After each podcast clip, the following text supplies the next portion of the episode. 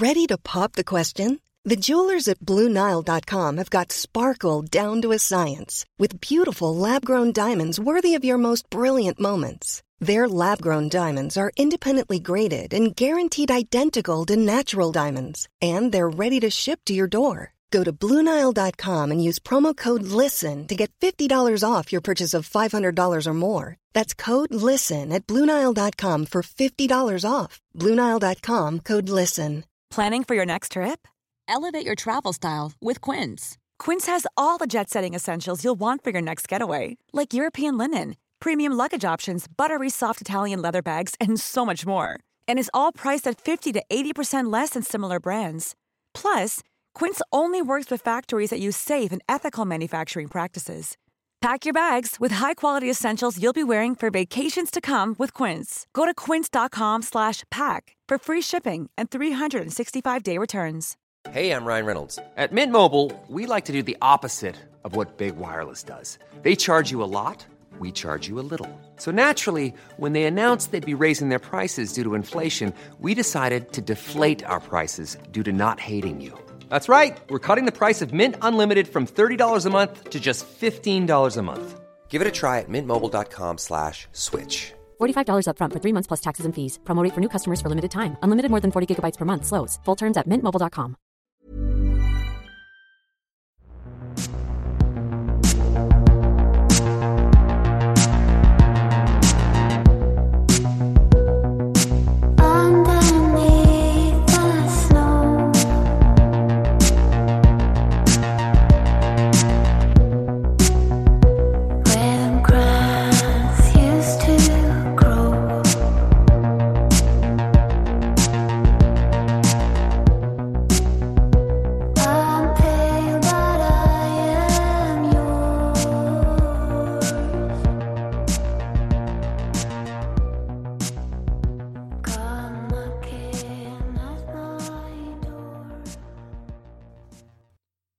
Olösta mord, Biggie och Tupac, del 9.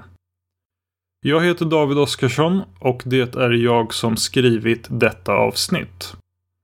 Varning! Olösta mords avsnittsserie om Biggie och Tupac kommer innehålla noggranna beskrivningar av hur brutala skjutmord sargar en människas kropp. Beskrivningar av våld samt våldtäkter och sexuellt ofredande kommer att förekomma. Även språk som av många kan uppfattas som stötande. Om du är det minsta känslig för innehåll av detta slag, överväg att lyssna på ett annat avsnitt. Obs om språket i avsnitten. Vi har gjort tämligen försvenskade översättningar av många av de uttalandena som rapparna gjort, som inte är helt i enlighet med vad de faktiskt säger. Detta för att det ska bli enklare att förstå för dig som lyssnar. Många slanguttryck saknar perfekta motsvarigheter på svenska.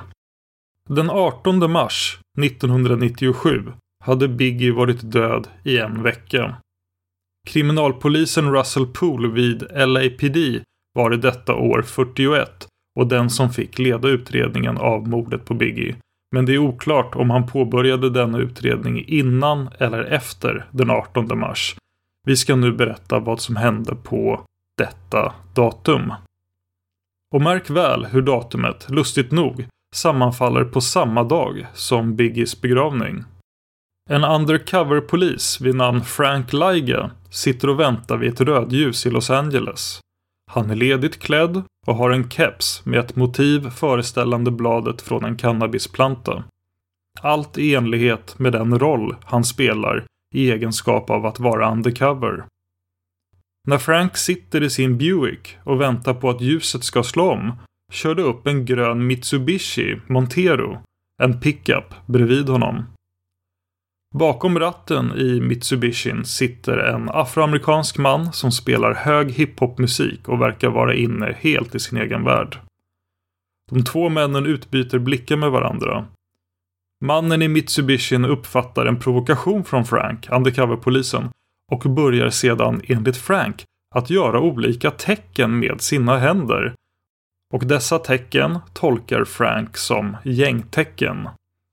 Vi kan kort nämna att många amerikanska gäng, till exempel Bloods och Crips, har för vana att göra tecken med händerna som till exempel stavar ut bokstäverna B, L, O, O, D som i Blood eller något annat symboliskt. Det finns även tecken för East Side och West Side och de känner ju de flesta till. Frank Liga är mån om att inte äventyra sin undercover-identitet och inser att ett bråk med mannen i Mitsubishin endast är ogynnsamt för hans större uppdrag. Således kör han ifrån platsen så snabbt som möjligt. Men det hjälper inte. Mannen i Mitsubishin har drabbats av ett raseri och kör efter Frank. Mitsubishin lägger sig till och med i fel fil under den vilda jakt som nu uppstår. Frank Liga kunde se att mannen som jagade honom hade en pistol i handen när Frank insåg att situationen blivit ohållbar kontaktade han de få poliser som känner till att han är undercover via en dold radio i sin bil. Denna dolda radio aktiverades med hjälp av en särskilt monterad pedal nere vid fötterna. Han sa Hallå, jag har ett problem. Eh, jag har en svart snubbe i en grön jeep bakom mig. Han har en pistol. Frank stannade sedan vid ett annat stoppljus nära en bensinstation där han beväpnade sig klev ur bilen och sökte skydd bakom den. När Mitsubishin stannade till vid Franks Buick kunde Frank höra hur föraren ropade genom sitt nedvevade fönster. Jag tänker knäppa dig din jävel! Frank Liga fattade ett beslut och avlossade två skott mot förardörren på Mitsubishin. Frank slog sedan på sin dolda radio och anropade. Jag sköt just den här killen. Jag behöver hjälp. Kom hit nu! När polis och ambulans anlänt till platsen kunde det konstateras att föraren i Mitsubishin var död. En av kulorna hade tagit i hans hjärta och han hade avlidit nästan omedelbart. Men vem den döde mannen var, alltså den svarte mannen i Mitsubishin, det skulle chockera många. Hans namn var Kevin Gain. Life is full of awesome what ifs, and some not so much, like unexpected medical costs. That's why United Healthcare provides Health Protector Guard fixed indemnity insurance plans to supplement your primary plan and help manage out of pocket costs. Learn more at uh1.com. Hey, I'm Ryan Reynolds. At Mint Mobile, we like to do the opposite of what Big Wireless does. They charge you a lot, we charge you a little. So naturally, when they announced they'd be raising their prices due to inflation, we decided to deflate our prices due to not hating you. That's right. We're cutting the price of Mint Unlimited from $30 a month to just $15 a month. Give it a try at mintmobile.com slash switch. $45 upfront for three months plus taxes and fees. Promo for new customers for limited time. Unlimited more than 40 gigabytes per month. Slows. Full terms at mintmobile.com. Hey there, it's Michelle Norris. I'm host of a podcast called Your Mama's Kitchen. When I travel, I'm usually looking for a way to find a taste of home when I'm not at home. And one of the things I love to do when I am at home is entertain. And Airbnb allows me to do that. When I was in California recently, I rented a house that had a great kitchen. And when we were sitting around the table, we we're all thinking, we're in someone else's house. Someone could be in all of our homes as well. If you have a home, but you're not always at home, you have an Airbnb. Your home might be worth more than you think. Find out how much at airbnb.com/slash host.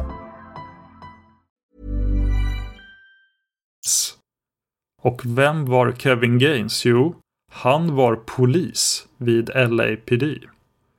Kevin Gaines blev 31 år gammal. Det bisarra som inträffat var alltså att en undercover-polis i nödvärn skjutit ihjäl en annan polis. Båda var omedvetna om varandras identiteter. Till en början såg det ut att bli en fråga om huruvida en vit rasistisk polis skjutit ihjäl en svart polis. Åtminstone var det uppenbarligen så händelsen skulle hanteras medialt i svallvågorna av den svåra misshandeln av Rodney King sex år tidigare. Rodney King var år 1991 en 25 år gammal afroamerikansk man som körde berusad och sedan försökte undkomma polisen efter att de fått kon på honom. När Rodney King till slut blev stoppad och hade klivit ut ur sitt fordon påbörjades en synnerligen extrem uppvisning av övervåld. Ett praktexempel på polisbrutalitet. Han blev slagen, sparkad och skjuten med elchockpistol. Allt detta skedde den 3 mars 1991 i Los Angeles. Vad varken Rodney King eller de fyra poliserna visste var att en man vid namn George Holiday stod på sin balkong och gjorde en videoinspelning av misshandeln. Det här blev en stor nyhetshändelse världen över. De fyra poliserna dömdes alla till fängelsestraff i en federal domstol år 1993. 94 fick Rodney King ett skadestånd av Los Angeles stad på 3,8 miljoner dollar efter en civilrättslig rättegång. Rodney King avled till följd av drunkning i sitt badkar den 17 juni 2012. Detta på grund av narkotikaanvändning i kombination med ett hjärtfel. Han blev 47 år gammal. Men det var långt senare. Där vi befinner oss nu är året fortfarande 1997.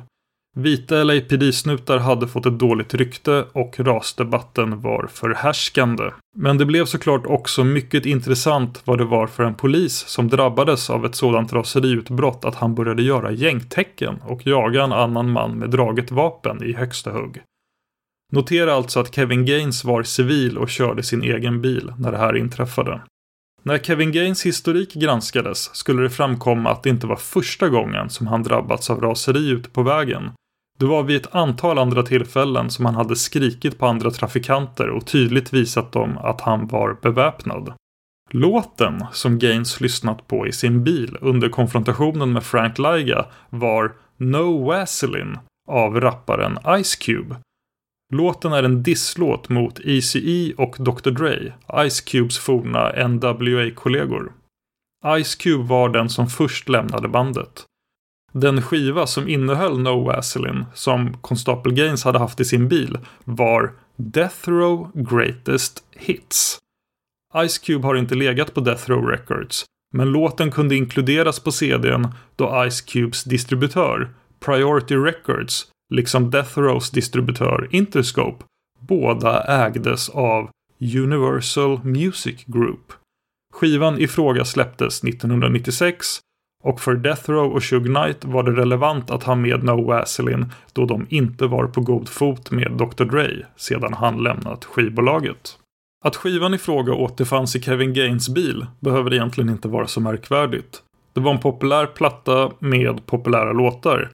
Men detta, i kombination med Frank Ligas utlåtande om att Kevin Gaines hade haft gängmedlem skrivet i pannan under konfrontationen gjorde att Gaines förehavanden utanför polisyrket blev granskade. Och det som skulle framkomma var att Kevin Gaines hade varit anställd som livvakt av Death Row Records. Och det visade sig även att Gaines inte var den enda LAPD-polisen som Death Row anlitat.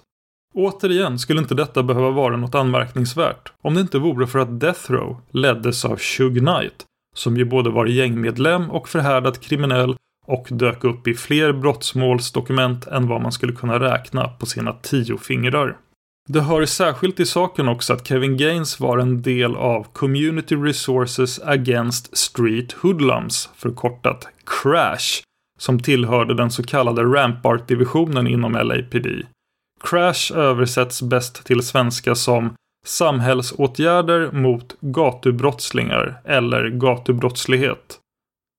Rampart-divisionen är den del av LAPD som har den västra delen av Los Angeles downtown som patrullområde. Rampart i namnet kommer från adressen Rampart Boulevard som är en av de större gatorna i området. Att någon som på papper arbetade mot gäng och gatuvåld samtidigt som han fick raseriutbrott i trafiken gjorde gängtecken genom fönsterrutan och hade ett samröre med ökända Death Row Records. Det såg inte så bra ut. En extra komprometterande detalj var att Kevin Gaines även befunnit sig i en romantisk relation med en av Shug Knights ex-flickvänner.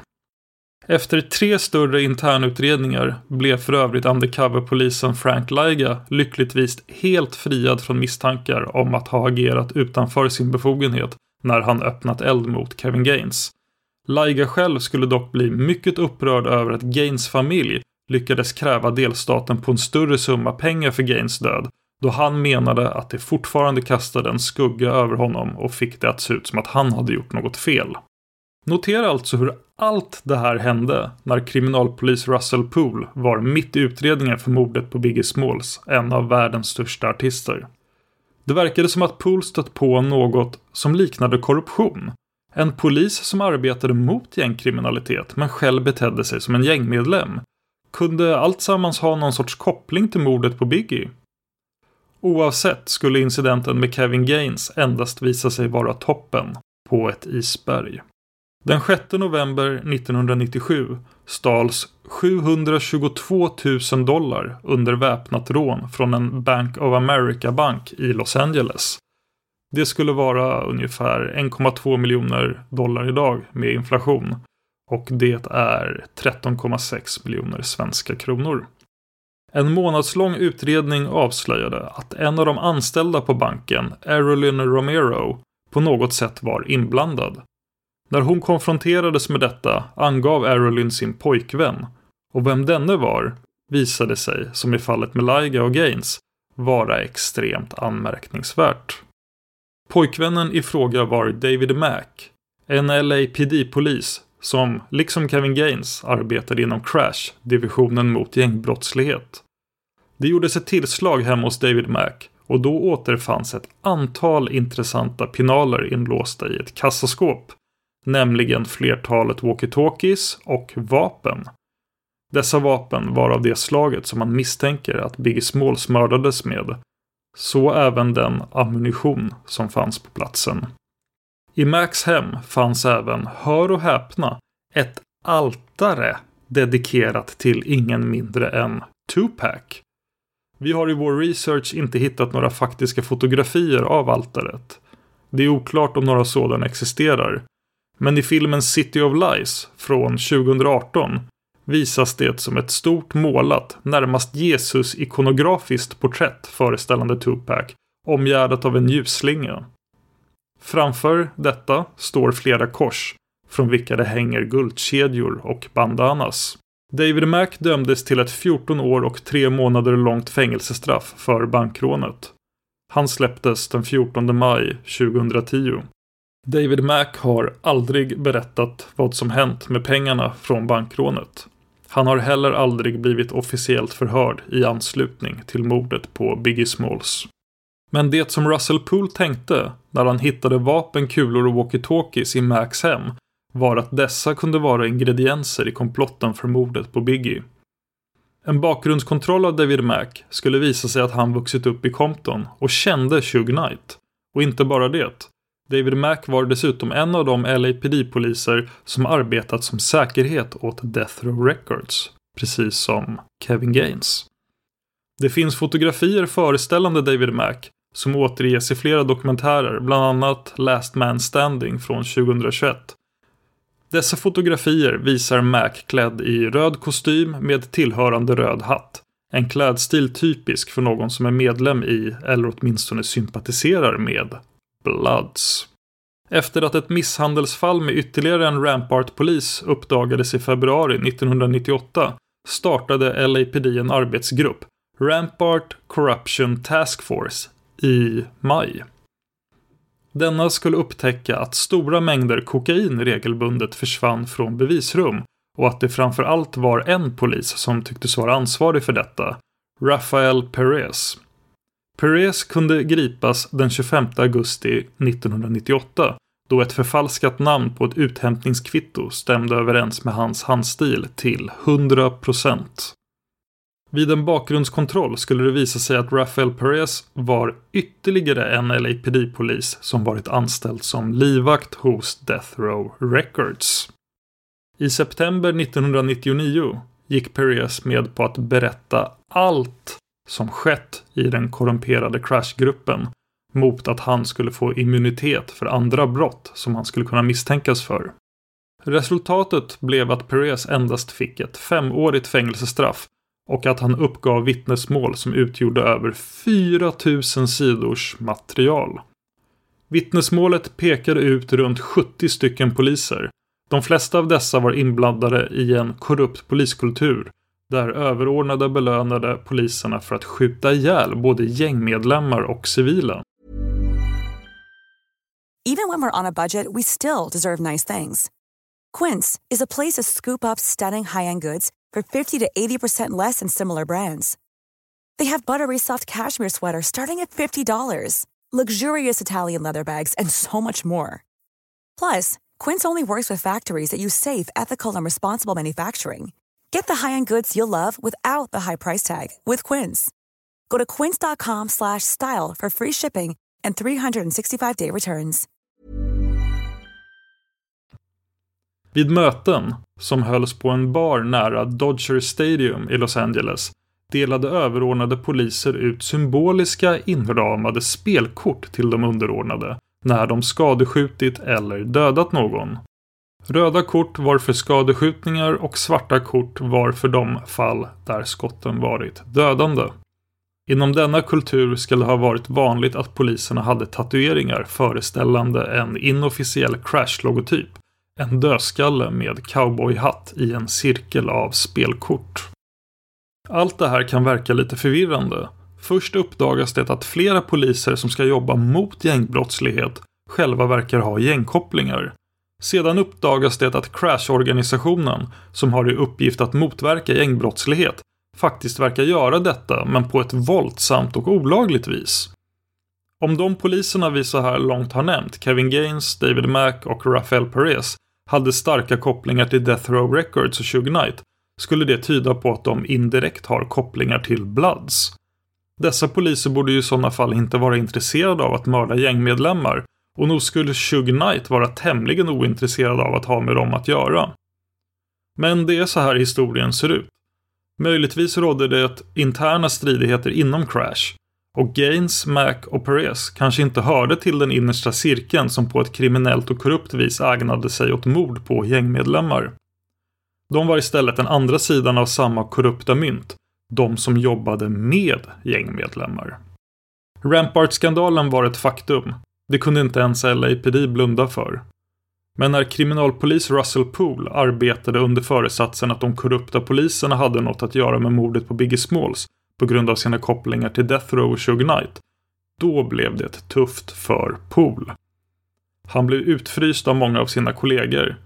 Ett exempel på detta är hur han en dag på sitt kontor hittade en teckning på sitt skrivbord. Denna föreställde en toalett med tillhörande avloppssystem och längst bak i avloppssystemet syntes en bajskorv. Någon hade ritat en pil mot avföringen och vid den skrivit Här är du. Trots det kämpade Pool på. Tidigt 1999 lämnade han in sin bevisning och sina slutsatser till dåvarande polischefen Bernard C. Parks. Huruvida denne var imponerad eller inte skall vi låta vara osagt.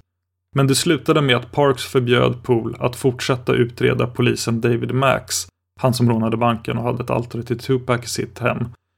David Max eventuella inblandning i mordet på Biggie. Poole kunde inte ta detta som något annat än ett mörkande av det som var sant. Rampart-skandalen gick det inte att göra något åt. Men om LAPD hade något att göra med mordet på Biggie var det verkligen inget som fick komma ut. Russell Poole sade upp sig sent år 1999 och hamnade i en djup depression. Enligt honom själv tog han sig senare ur denna med stöd av sina barn.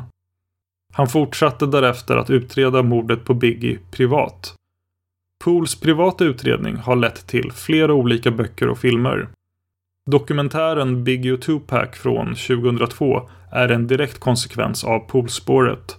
Så även boken A Labyrinth av Randall Sullivan som baserade verket på både intervjuer med Pool och dennes samlade bevisning. Boken A Labyrinth blev år 2018 en spelfilm, City of Lies, med Johnny Depp i rollen som Pool och Forrest Whitaker i rollen som en journalist som får en inblick i den förmodade LAPD-konspirationen och bestämmer sig för att outa den. Denna film kom dessvärre i skymundan på grund av den mediecirkus som uppstod i och med den extremt rapporterade konflikten mellan Johnny Depp och hans exfru Amber Heard. Filmen är dock sevärd och förtjänar att kollas upp av den som är intresserad av fallet. I nästa avsnitt ska vi berätta om när Pool fick ett riktigt stort genombrott i sin utredning efter att ha kommit i kontakt med Kevin Hackey. Ytterligare en livvakt från Death Row Records. Missa inte det! Maila oss dina teorier om fallen som vi tar upp på simwaypodcast@gmail.com. Det är alltså Z I M-W-A-Y podcast at gmail.com. Jag som skrivit och läst det här avsnittet heter David Oskarsson. Tack till Eva Martinsson för klippningen. Tack till Tripnaha för låten Immune som ni hör i början och slutet av varje avsnitt. Och tack till dig för att du lyssnar på Olösta mord.